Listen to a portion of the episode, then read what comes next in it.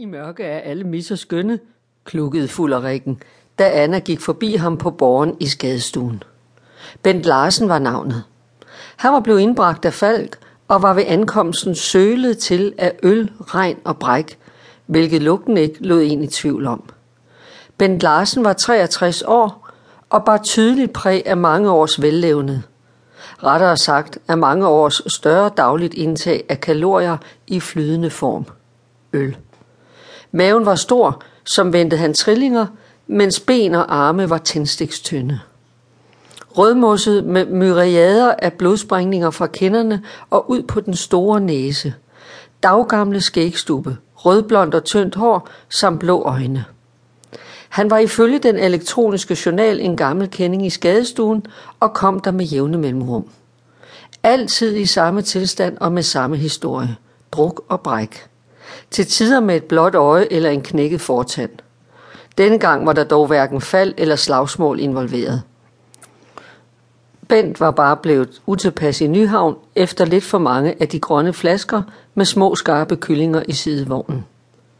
Anna genkendte Bent fra den gang hun arbejdede fast i skadestuen.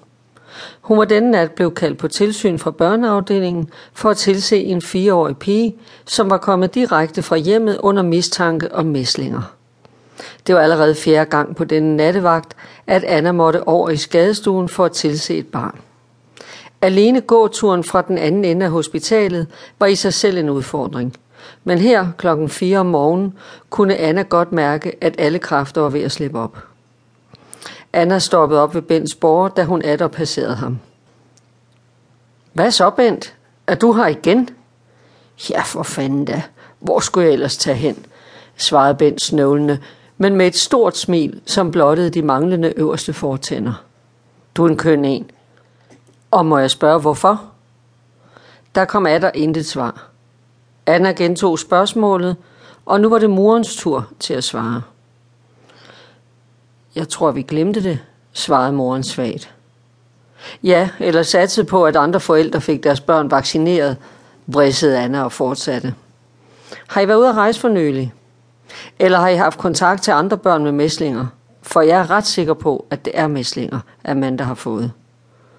Er du sikker? spurgte faren bekymret. Ja, så I kan næsten takke jer selv for, at jeres datter nu har fået mæslinger. Anna skammede sig et øjeblik over mangel på empati, men i hendes øjne var sådan forældre bare for tåbelige. Amandas mor begyndte at græde, og det tog kun Amanda et splitsekund at istemme i højlydt gråd. Amandas far forklarede, at de havde været en tur i Thailand for nylig. Så er det højst sandsynligt, det Amanda blev smittet, sagde Anna, mens hun forsøgte at mildne sin stemme og berolige Amanda med, at det nok skulle gå alt sammen. Det håbede Anna i hvert fald. Afdelingen havde inden for det sidste halve år haft 20 tilfælde af mæslinger, og ud af dem var to børn efterfølgende blevet døve som komplikation til mæslingerne. Lige præcis mæslinger var en sygdom, som Anna havde meget svært ved at acceptere, at børnene fik. Ganske enkelt fordi den kunne undgås, hvis forældrene blot lod deres børn vaccinere. Dogenskab, fanatisme og egoisme var efter Annas mening årsagen til, at forældrene ikke lod deres børn vaccinere. Det gjorde han gal. Specielt klokken 4 om morgenen. Det var utroligt så meget skade den snydagtige engelske læge havde forvoldt, da han for flere år siden havde søsat ideen om en forbindelse mellem vaccinationer og autisme. Anna havde fuldt sagen nøje og var ikke overrasket, da hans korthus af usandheder og fabrikerede data kom for dagen, og han blev fængslet. Anna fik bestilt en blodprøve, fortalte forældrene, hvad de skulle holde øje med, og at de så dernæst måtte tage hjem igen. Skulle Amanda indlægges, ville smitterisikoen betyde, at hun skulle isoleres på afdelingen. De indlagde kun meget nødigt børn med mæslinger, for ikke at risikere, at nogle af de andre syge børn med svækket immunforsvar, især kraftbørnene, blev smittet.